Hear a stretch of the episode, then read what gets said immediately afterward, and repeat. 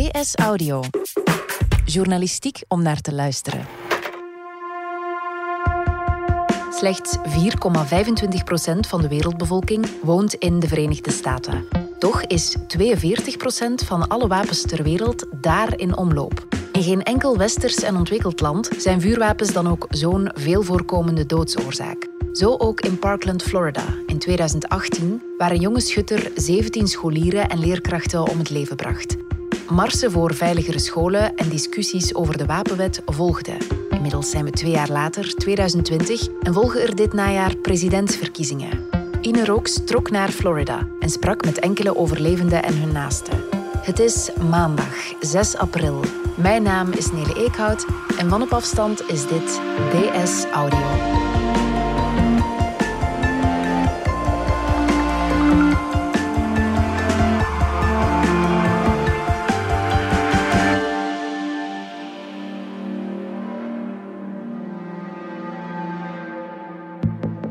Rooks, jij trok midden maart naar de Amerikaanse staat Florida om mensen te interviewen over een niet-corona-gerelateerd thema. Vertel. Ja, dat klopt. We zijn eh, midden maart, fotografen Katrijn van Giel en ik, naar eh, Florida getrokken voor een reeks reportages. Vlak na Super Tuesday waren we daar. Super Tuesday, dat is de belangrijkste dag van de voorverkiezingen. Ja, en Florida moest toen nog stemmen. We hebben van de gelegenheid gebruik gemaakt om ook een ander maatschappelijk heel relevant verhaal in onze ogen verder uit te diepen. En dat gaat over massaschietpartijen op middelbare scholen.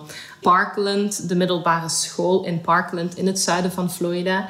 Die uh, middelbare school is twee jaar geleden opgeschrokken door een schietpartij. En wij wilden graag terug naar Parkland om te gaan praten met uh, de nabestaanden en met de overlevenden van die schietpartij. Om na te gaan of er sindsdien al iets is veranderd. Ja, die schietpartij in Parkland, Florida, vond plaats 14 februari 2018. Ja.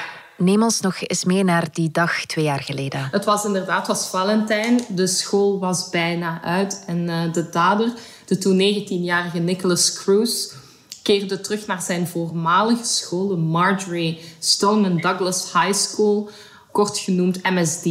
Hij was naar die school gegaan, maar hij was daar um, buiten gevlogen wegens slecht en verdacht gedrag. Hij is de school binnengedrongen met uh, semi-automatisch wapen in zijn rugzak en met heel wat munitie. De schietpartij zelf heeft luttele zes minuten geduurd en op die tijd kon hij 17 doden maken en 17 gewonden. Bij die 17 doden waren zowel leerlingen, voormalige medeleerlingen van hem, als een aantal volwassenen. Ja, en die Nicholas Cruz, je zei het al, die was van school gestuurd. Zat hij al ergens in het vizier van de autoriteiten? Eh, de jongen had eh, een heel moeilijke jeugd. Hij is geadopteerd. Zijn eh, beide ouders waren gestorven. Zijn moeder, geloof ik, kort voor de schietpartij die hij zelf zou aanrichten. Hij had zijn donkerste gedachten al op social media gedeeld. Er was bijvoorbeeld een bizar online profiel dat uh, de aandacht van de FBI had getrokken, maar die federale politiedienst die slaagde er niet in om dat online profiel met iemand in het echte leven in verband te brengen. Dat gecombineerd met het feit dat de FBI gesignaleerd was dat uh, de jonge man mentale problemen had en toch een en ander niet aan elkaar kon koppelen. Gekoppeld aan het feit dat hij 19 was, al van school was gestuurd, dat leraars en sociale werkers al ernstige vragen bij hem stelden en die jonge man dan toch de hand kan leggen op zoveel wapens. Ja, dat is een combinatie van factoren waar je natuurlijk um, over kunt discussiëren. Hè. Er is zeker uh, heel veel misgelopen. De afloop van de schietpartij in Parkland kennen we jammer genoeg. Er waren 17 doden en 17 gewonden. Wat is er met de dader gebeurd nadien? De dader is um, op dat moment tijdelijk kunnen ontkomen. Hij is uh, meegevlucht met de leerlingen die aan het evacueren waren. Zo is hij het schoolgebouw uitgeraakt, maar hij is uh, kort daarna gearresteerd. Hij zit in de cel en uh, het strafproces tegen hem moet nog beginnen. Dat zal later dit jaar plaatsvinden.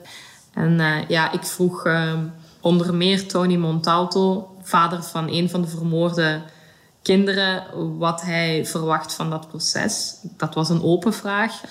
Maar dan zei Tony Montalto, ja, ik, ik hoop wel dat hij verantwoordelijk wordt gehouden um, to the full extent of the law. Dus uh, alles wat wettelijk mogelijk is. Dus dat betekent, Nele, ja, dat hij hoopte op de doodstraf. Een schietpartij op een school, hoe gewoon is dat voor leerlingen? Wel, het is sinds 1999 toch al uh, tientallen keren voorgekomen. De Amerikaanse geheime dienst bijvoorbeeld heeft onlangs een rapport van 61 pagina's opgesteld over 42 massaschietpartijen op Amerikaanse scholen sinds 1999. En dat waren niet eens alle massaschietpartijen die hadden plaatsgevonden, want de geheime dienst had zich alleen um, gefocust op schutters die recent op de school in kwestie school hadden gelopen. Hoe gewoon is het? Um, het is blijkbaar gewoon genoeg voor de schoolautoriteiten om uh, de leerlingen, de kinderen actief op voor te bereiden. Um, ik vroeg aan Maddie King, eerstejaarsstudenten die uh, vorig jaar aan MSD is afgestudeerd,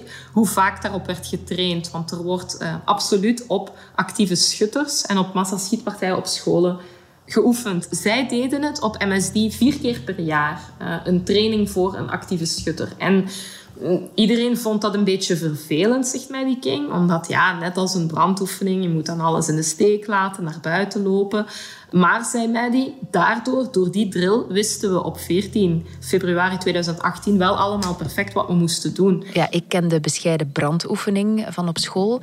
Ja. Wat leren kinderen daar dan ter voorbereiding op een schietpartij? Um, zichzelf onzichtbaar te maken, in de hoeken te duiken, safe spots te zoeken, waar bijvoorbeeld vanuit de gang uh, de schutter, een schutter of schutters de leerlingen in kwestie veel moeilijker kan zien. Achter tafels duiken, in kasten kruipen, beschutting zoeken, jezelf zo klein mogelijk maken, stil blijven. Dat wordt allemaal op zo'n drill op school aangeleerd. Ine, je hebt gesproken met onder andere Eva Steele en Lisa Steele. Mensen die die dag van nabij hebben meegemaakt. Wie zijn zij? Uh, Lisa is de moeder van, van Eva. Eva Steele gaat nu nog altijd naar MSD, naar dezelfde middelbare school. En zij was er inderdaad bij. Ze is nu 17, dus uh, ja, kan je nagaan hoe jong ze was. Yeah, I was 15. Mm -hmm. I was a freshman, yeah.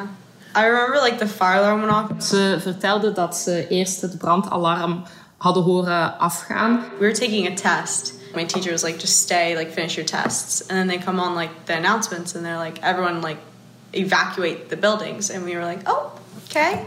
We all start leaving. Iedereen begon de klas uit te lopen. Another person comes on the PA systems like, yeah, no, this is a code red. Everyone get back in your classrooms. Code red, wat betekent dat er een actieve schutter is op de school. I ended up like going in the back closet with like nine you other went kids. into a closet Yeah. with other kids Yeah. Op het moment dat de schietpartij zich voltrok, is Eva in haar middelbare klas in uh, de kast gekropen samen met uh, nog een negental andere scholieren. So I was like, what the heck? And then like one kid was like, oh, it's a prank, it's a prank, it's a prank. And then we ended up calling the cops and they were like, yeah, we know we have people on our way already. Like we've already gotten like 10 phone calls. We were like, okay, so this isn't fake. And I ended up like having a friend who was in the on the third floor of the freshman building and I was like, I heard like there's something going on in the freshman building. Do you know anything? He's like, Yeah, I can hear the gunshots. We all were like, Oh, okay, so this is real. Like this is actually happening. And it was kind of just like all of us just literally just sitting there waiting for like four or five hours. four or five hours We were in there for a long time. Like by the time we got out there, it was like getting dark. En ze heeft vanuit die kast onmiddellijk haar moeder opgebeld met haar mobiele telefoon. Well, you called me at 220. Yeah. Dus vanaf het begin, toen er nog helemaal niks op het nieuws te horen was van de schietpartij die nog volop aan de gang was, She said something was going on. She said she was in the closet. And I'm like, what? I couldn't tell what she was saying. She was whispering. And then, see, I can't actually talk about that. Okay. okay ja, zat Lisa als moeder thuis te wachten, te nagelbijten en uh, ja, ook doodsangst te uit te staan natuurlijk om wat haar dochter op dat moment was aan het meemaken. Like my phone started ringing, girlfriends, you know, friends, everybody with the kids at the school. I put on the news. It wasn't even on the news yet. I opened the door and you could hear everything. Just so many sirens and then helicopters. Eva was toen 15. Ze kent heel veel mensen die omgekomen zijn. Een zevental vrienden en vriendinnen van die school. Toch wel een enorme impact heeft op dat meisje die nu nog altijd naar een therapeut gaat. I knew Gina, Alyssa, Alex, Luke, Car, and I actually went to we went to the same church, and um, I was friends with Carmen's younger sister. Like she and I have been really good friends, so I knew about seven people. That are dead now. Seven Yeah. of the. You okay? Yeah, Yeah. sorry. Okay. Ja, dat moet een verschrikkelijke dag geweest zijn voor Eva en haar moeder. Maar opvallend, Eva gaat vandaag nog steeds naar dezelfde school. Ja, dat klopt. Het stond voor haar buiten kijf dat ze naar diezelfde school wilde blijven gaan. I didn't want to switch schools. I had friends who did, but I, I don't know. I just like wanted to stay at Douglas and like graduate from Douglas. Ze was daar vanaf het begin heel duidelijk over, zei haar moeder Lisa. En Lisa zegt, ehm, wij begrijpen dat wel. We hebben een, een privétherapeut die haar in eh, de naschoolse tijd in de gaten houdt en met haar praat. Maar voor de rest, wij ouders, wij kunnen ons niet voorstellen wat ze heeft meegemaakt. En als Eva naar school gaat, dan komt ze daar tenminste wel met lotgenoten in aanraking. Met jonge mensen die allemaal hetzelfde hebben, hebben meegemaakt. It was very important for her to be around people who understood what she went through. I didn't understand what she went through. I couldn't help. I didn't understand. So sh- her friends, they went through it together. They understood how each other was feeling. I didn't want to take her out of that. Put her in a place where nobody understood what she was going through. She had nobody to talk to that could relate. Eva zei zelf, goh, ehm, die schietpartij is zeker een moment van een duidelijke voor en na. It feels like it like just happened, but at the same time, it feels like it was like ten years ago. Yeah. Because like so much has changed Yeah. to the point where it's like kind of not even like the same community really. So it feels like you're in like a different place, like a different time. Van die dingen die zo levensbepalend zijn waarvan je zegt, er is een voor en na. That's how you live now. It's it's either before it happened or after it happened. That's everything goes by that. Like when people talk about it, like you don't have to say like before the shooting. You just say before and after, and like Yeah. everyone knows what you're talking about. In het algemeen zei die jonge scholier dat ehm, dit is wat je krijgt als er zo weinig zorg wordt besteed aan eh, mentale gezondheid in de Verenigde Staten. Of er eh, zo weinig toegang is of het te duur is voor wie mentale gezondheidsproblemen heeft en, eh, en, en begeleiding nodig zou hebben. It creates like kids or even like grown adults who don't see any other way to handle themselves, and they end up hurting other people. Eigenlijk was het wachten, zei Eva, tot het ook in onze school zou gebeuren, omdat het zo vaak voorkomt dat het bijna gewoon aanvoelt in de Verenigde Staten. I don't know. I, it's like crazy. It's like to be honest, I wasn't really surprised when I heard what was happening. When they were like, "Yeah, it's a school shooting," I was like, "Hmm, "Well." Kind of was a matter of time because like it's happened in so many different places. En dat vond ik toch wel frappant van een eh, 17-jarige scholier. En hoe is het voor ouders, zoals bijvoorbeeld Lisa Stiel als moeder, om kinderen naar die school te laten gaan, wetende dat zoiets kan voorvallen?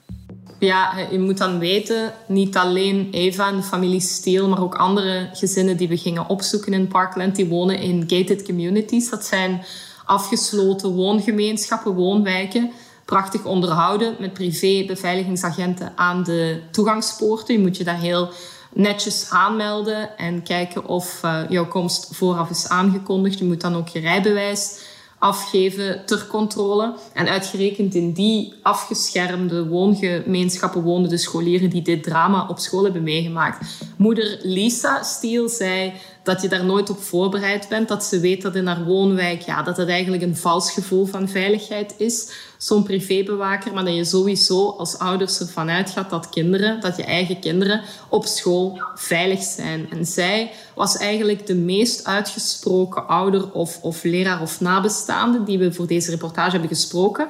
Toen ze zei dat zij het echt walgelijk vindt als moeder en als Amerikaanse burger dat dit überhaupt mogelijk is in de Verenigde Staten. What it says about society is absolutely disgusting. It I, I'm so frustrated and angry. We're more concerned about preserving the rights of certain individuals than we are about protecting society as a whole. And to me, that's a major problem. Dat miljoenen Amerikanen het recht op wapendracht belangrijker vinden dan de gevolgen eh, hiervan in te zien. Dus zij zegt zelf... eh, I am not a Second Amendment, you know, junkie. Ik ben geen Second Amendment junkie. Ik uh, hang helemaal niet vast aan dat uh, Amerikaanse grondrecht om een wapen te mogen bezitten. I don't care about your right to have a gun. I really don't. Is er sindsdien iets veranderd omtrent die wapenwetgeving? Uh, Eva zegt daarover dat eerst het gevoel na de schietpartij in Parkland heel groot was dat er eindelijk iets zou veranderen. Maar dat die hoop al snel aan diggelen is geslagen omdat een aantal weken later, al in mei 2018, alweer een schietpartij plaatsvond op een middelbare school, ditmaal in Texas. You would have thought after that something changed. Right. And a month later was Santa Fe. In Texas.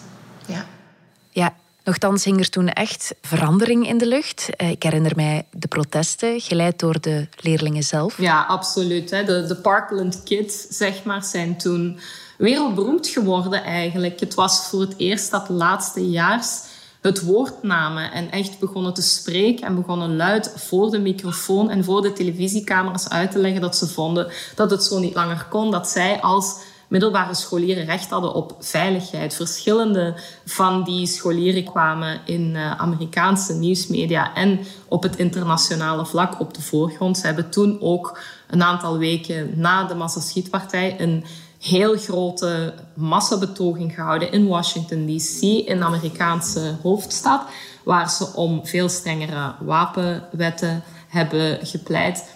En uh, die massabetoging in Washington die is toen wereldwijd gevolgd met uh, massabetogingen van andere jonge mensen voor een veel strengere beteugeling van wapengeweld. Dus er was toen zeker het gevoel dat er een groot momentum was. Ja, ja een groot momentum. Maar een paar maanden later was er opnieuw die school shooting in Texas dan. Nu, zeg je dat er niets veranderd is, dat klopt ook niet, hè? Ja, zoals je al zelf zegt, er gebeuren nog altijd schietpartijen en massaschietpartijen, al dan niet op middelbare scholen in de States. We spraken voor deze reportage ook met Tony Montalto. Hij is de vader van de 14-jarige Gina Rose. En Tony verloor zijn dochter tijdens de schietpartij op MSD High School in, uh, in Parkland. Zij zijn een intens proces van, uh, van diepe rouw moeten doorgaan. En dan daarna heeft hij samen met de andere ouders een vereniging gesticht die zich nu inzet voor veiliger Amerikaanse scholen. Hij wil dat breder trekken dan alleen te focussen op wapens en op wapenbezit. Uh, dat maakt al meteen duidelijk hoe gevoelig die hele discussie in uh, Amerika ligt. Volgens Tony Montalto is het sowieso een goede zaak dat president Donald Trump eind 2018 een verbod op bumpstocks heeft goedgekeurd. Dat zijn eigenlijk wisselstukken die je op een geweer kunt bevestigen, waardoor die een veel grotere vuurkracht krijgen. Tegelijkertijd wees meneer Montalto erop dat uh, Florida kort na de schietpartij in Parkland actie ondernam door de leeftijdsgrens te verhogen. Voortaan moet je niet 18, maar wel 21 jaar zijn om wapens te mogen kopen. Um, Florida heeft ook na de schietpartij in Parkland een red flag wet goedgekeurd. En dat betekent dat mensen die voor zichzelf en hun omgeving een gevaar vormen, via gerechtelijke weg hun wapen kunnen verliezen. Meneer Montalto, de vader van de vermoorde Gina Rose, zei tevreden dat sinds de schietpartij in Parkland al in elf Amerikaanse staten een red flag wet is aangenomen. Dat is de concrete vooruitgang.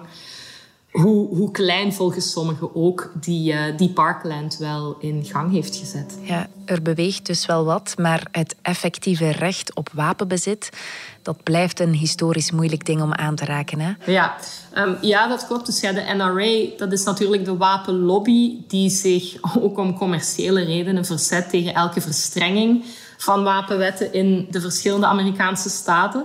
Maar daarnaast ook voor uh, miljoenen Amerikanen ook miljoenen democraten, want het wordt vaak gezien als iets wat vooral republikeinse politici en uh, de republikeinse kiezers aanbelangt, maar ook heel veel democraten.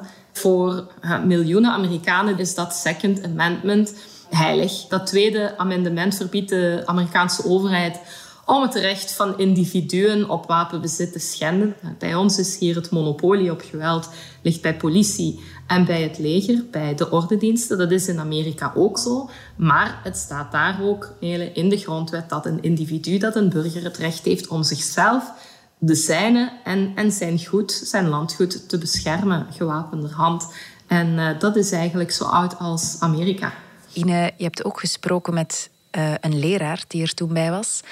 Ernie Rospierski. Ja, Ernie Rospierski en zijn vrouw Andrea zijn twee leraars op MSD op de middelbare school in kwestie. En zijn dus allebei die bewuste dag erbij geweest. Hij was nog toetsen aan het verbeteren. 220-ish, fire alarm goes off. Whatever, kids all leave. Supposed to. Kinderen zijn na het brandalarm eerst allemaal naar buiten gelopen. And that's from that point on is when it got weird. Dan kwam die code red, dan ontstond er paniek, chaos. I started hearing gunfire. I was like, what's that? Ernie is de gang opgelopen. So I went down to see what was going on. Plus I heard gunfire. I'm like, as I'm walking back, I'm talking to some kids I know who are really freaking out and screaming. Calm them down as best I can and tell them, you know, get in your room, go to where you belong. Probeer de, de kinderen aan te sporen om rustig te blijven en in hun klasse veiligheid te zoeken. That's when I realized I don't have my keys on me. My keys were in my bag in my room. En toen stelde hij vast dat de deur achter hem in het slot was gevallen en hij niet meer zijn eigen klaslokaal binnen kon. I'm in a hallway. En op dat moment, moment kwam de schutter de gang binnen. Shooters on the hall. At the other end of the hallway comes up the east stairwell and starts shooting. And there's uh, 12 kids in front of me. Wat Ernie toen heeft gedaan is, hij heeft 12 kinderen in een soort van nis geduwd. In the hallways, by the doors, there's little alcoves. Een uh, inham, zeg maar, rond de deuren van, uh, van het klaslokaal. Half a meter by three meters space. Mm -hmm. I grab all the kids in front of me, push them into the little alcove in front of me. En op die manier heeft hij als een levend schild die kinderen beschermt. I turn around, stick my head out to see what's going on. Hij is zelf beschoten. On my hip, I got shrapnel from because he had really cheap ammunition where he was shooting at us and hitting the walls around us. Hij kreeg kogelscherven in zijn heup en hij had een schampschot in het gezicht. Literally, it was like boom, boom, and then there was a pause. Told all the kids to run to the west stairwell. I run to the stairwell, hold the door open. En uh, hij heeft het uh, uiteraard overleefd en hij heeft negen van de twaalf kinderen in veiligheid kunnen brengen. Of the 12 kids were with me, nine of them got out. En kunnen uit de gang helpen vluchten. One kid was holding the door open for his peers, got shot and killed. Another girl uh, was, was killed getting to the door. En drie van die twaalf hebben het helaas niet gehaald. Ja, Ine, Ernie vertelde jou ook dat hem vaak de vraag is gesteld: had je je kunnen beschermen als je een wapen had gehad? If you had a gun, could you kill them? I was like, yeah, that's what they thought too. If you had a weapon, would you have been able to stop it? What do you think?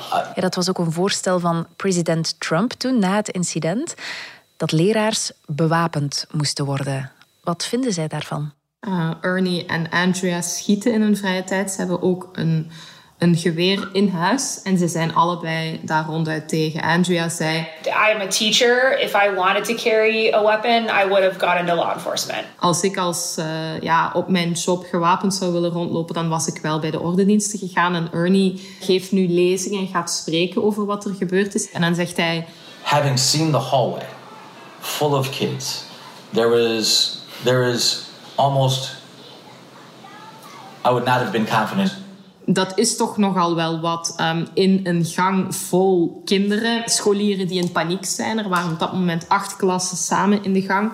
Om dan te kunnen richten op de schutter en alleen de schutter uit te schakelen. Hij zei, ik had niet kunnen inschatten of dat risico ja, verantwoord was. Of dat ik ook uh, iemand anders had kunnen neerschieten. Dus zij zijn allebei, hij en zijn vrouw, daar absoluut tegen. I'm a teacher. I don't want to carry while being at work. I don't want to I want to be a teacher.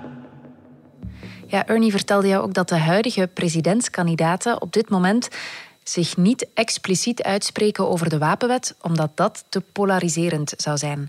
Klopt dat wat hij zegt? Ja, dat, uh, dat is wat hij vertelde, ja. Michael Bloomberg, de voormalige burgemeester van New York en een uh, multimiljardair, die intussen na Super Tuesday Na die uh, voorverkiezingsdag bij de Democraten is Bloomberg uit de race gestapt. Maar Bloomberg financiert een, een grote ja, anti-wapenlobbycampagne in de Verenigde Staten. En Michael Bloomberg neemt daar heel uitgesproken posities um, over in. Maar veel andere kandidaten schromen daar toch een beetje bij. Dus ja, de, de democratische kandidaten zijn voor uh, veel strengere wapenwetten. De republikeinen uh, doorgaans hebben een goede relatie met de NRA, met de wapenlobby.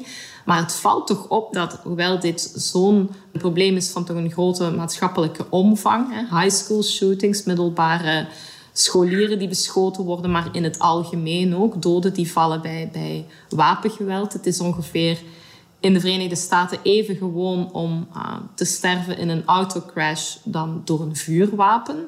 En toch, omdat het zo polariserend is, gaan de meeste kandidaten het thema lijkt het wel liefst van al eerder uit de weg. Ja, hoe Eva en Lisa Steele erover denken, uh, over de Second Amendment, dat was duidelijk. Zij zijn geen fans. Delen alle overlevenden of nabestaanden van de schietpartij die mening ten opzichte van die wapenwet? Ja, je zou verwachten dat ze allemaal redeneren als Lisa Steele, de moeder van Eva. Maar de anderen waren genuanceerder. Denk aan Tony Montalto, de vader van eh, Gina Rose, die zijn 14-jarige dochter vermoord heeft gezien. Die zegt, um, nu beginnen pleiten voor de radicaalste oplossing van take the guns away. Hè? Alle wapens moeten weg uit de Amerikaanse samenleving. Ik weet toch dat dat onrealistisch is. Maddie King zei ons hetzelfde. Het is nu toch al te ver gekomen. Er zijn te veel wapenbezitters in de VS. Je kan die klok niet terugdraaien. Maddie King, die er dan ook meteen als overlevende van die schietpartij aan toevoegt... Op zich heb ik ook geen probleem met wapenbezit als het allemaal ordelijk en fatsoenlijk geregeld wordt en als personen die een wapen houden dat ook veilig opbergen. Hetzelfde zei leraar Ernie Rospierski, terwijl hij geen Trump-kiezer is en ons dat expliciet zei, die negen kinderen het leven heeft gered en zelf nota bene beschoten is en nu nog altijd een wapen in huis heeft. The easiest way to think about it is if you look at it from an engineering perspective, they're cool machines. They are. Uh, but at the same time, I, I know it's, but it's also I don't like the idea of giving up freedoms for a perception of safety which doesn't give you anything. Ja, Ine, Ernie liet je ook duidelijk weten dat hij zeker niet voor Trump zal stemmen. Has President Trump done a couple good things? Yes. Has he done more things that I disagree with than good? Yes. You will not have my vote. Wat met mensen zoals Lisa en Eva, die wel heel uitgesproken zijn in verband met de vrijheden van die Second Amendment. Weten zij op wie zij nu moeten stemmen? Ja, dat is een heel goede vraag. Ehm, Eva en Lisa Steele zijn politiek onafhankelijk. Wat betekent dat ze zich niet thuis voelen bij de Republikeinen, nog bij de Democraten. En uh, zijn heel erg tegen wapenbezit gekant, omdat ze hebben meegemaakt wat ze hebben meegemaakt. I'm not gonna like be like, oh, you're a Republican or oh, you're a Democrat. It's like I don't care. I mm-hmm. just care about what your individual beliefs and your platform is, because you're voting for the person. In like reality. Eva zei dat ze zich eerst wat beter wil, wil voorbereiden. Um, op uh, haar keuze, de keuze die ze in november zal maken. Dus een twijfelkiezer nog. Maddie King had al voor het eerst gestemd in de democratische voorverkiezing. Dus um, ook, ook daar ja, opvallend. Hè? Dus Maddie King had net bij ons bepleit... ja, ik ben eigenlijk niet zo tegen wapens. Als het allemaal uh, goed geregeld wordt, wat, wat is dan het probleem? Het staat voor veel 18-jarigen ook heel cool om een wapen te kopen. En vlak daarna zei ze dat ze in de democratische voorverkiezing had gekozen. Dus sowieso een geregistreerde democrate is. Dat is toch wel opvallend. Dat betekent dat het spectrum van meningen, van, van analyse, veel breder is dan wij hier soms in Europa denken. Het is niet zo simpel als ah ja, eh, de wapengretige Amerikanen, dat zijn de Republikeinen en de Trump-kiezers. En wie daartegen is, is democraat. Zo eenvoudig is het helemaal niet. En dat vond ik fascinerend. Ine Rooks, dankjewel. Graag gedaan. Dit was DS Audio. Wil je reageren op deze podcast? Dat kan via dsaudio.standaard.be. In deze aflevering hoorde je Ine Rooks, Eva en Lisa Steele, Ernie en Andrea Rapurski en mezelf, Nele Eekhout. Eindredactie gebeurde door Annelies van der Roost. Joris van Damme deed de audioproductie. Brecht Plasgaard schreef de muziek die je hoorde in deze podcast. Chef audio is Wouter van Driessen. Vond je deze podcast interessant? Weet dan dat je er elke werkdag in kunt beluisteren. Dat kan via de DS Nieuws app of via standaard.be-audio. Je kunt je ook abonneren via iTunes, Spotify of de podcast-app van je keuze. En als je daar dan toch bent, schrijf gerust een review. Zo toon je ook anderen de weg. Morgen zijn we er opnieuw.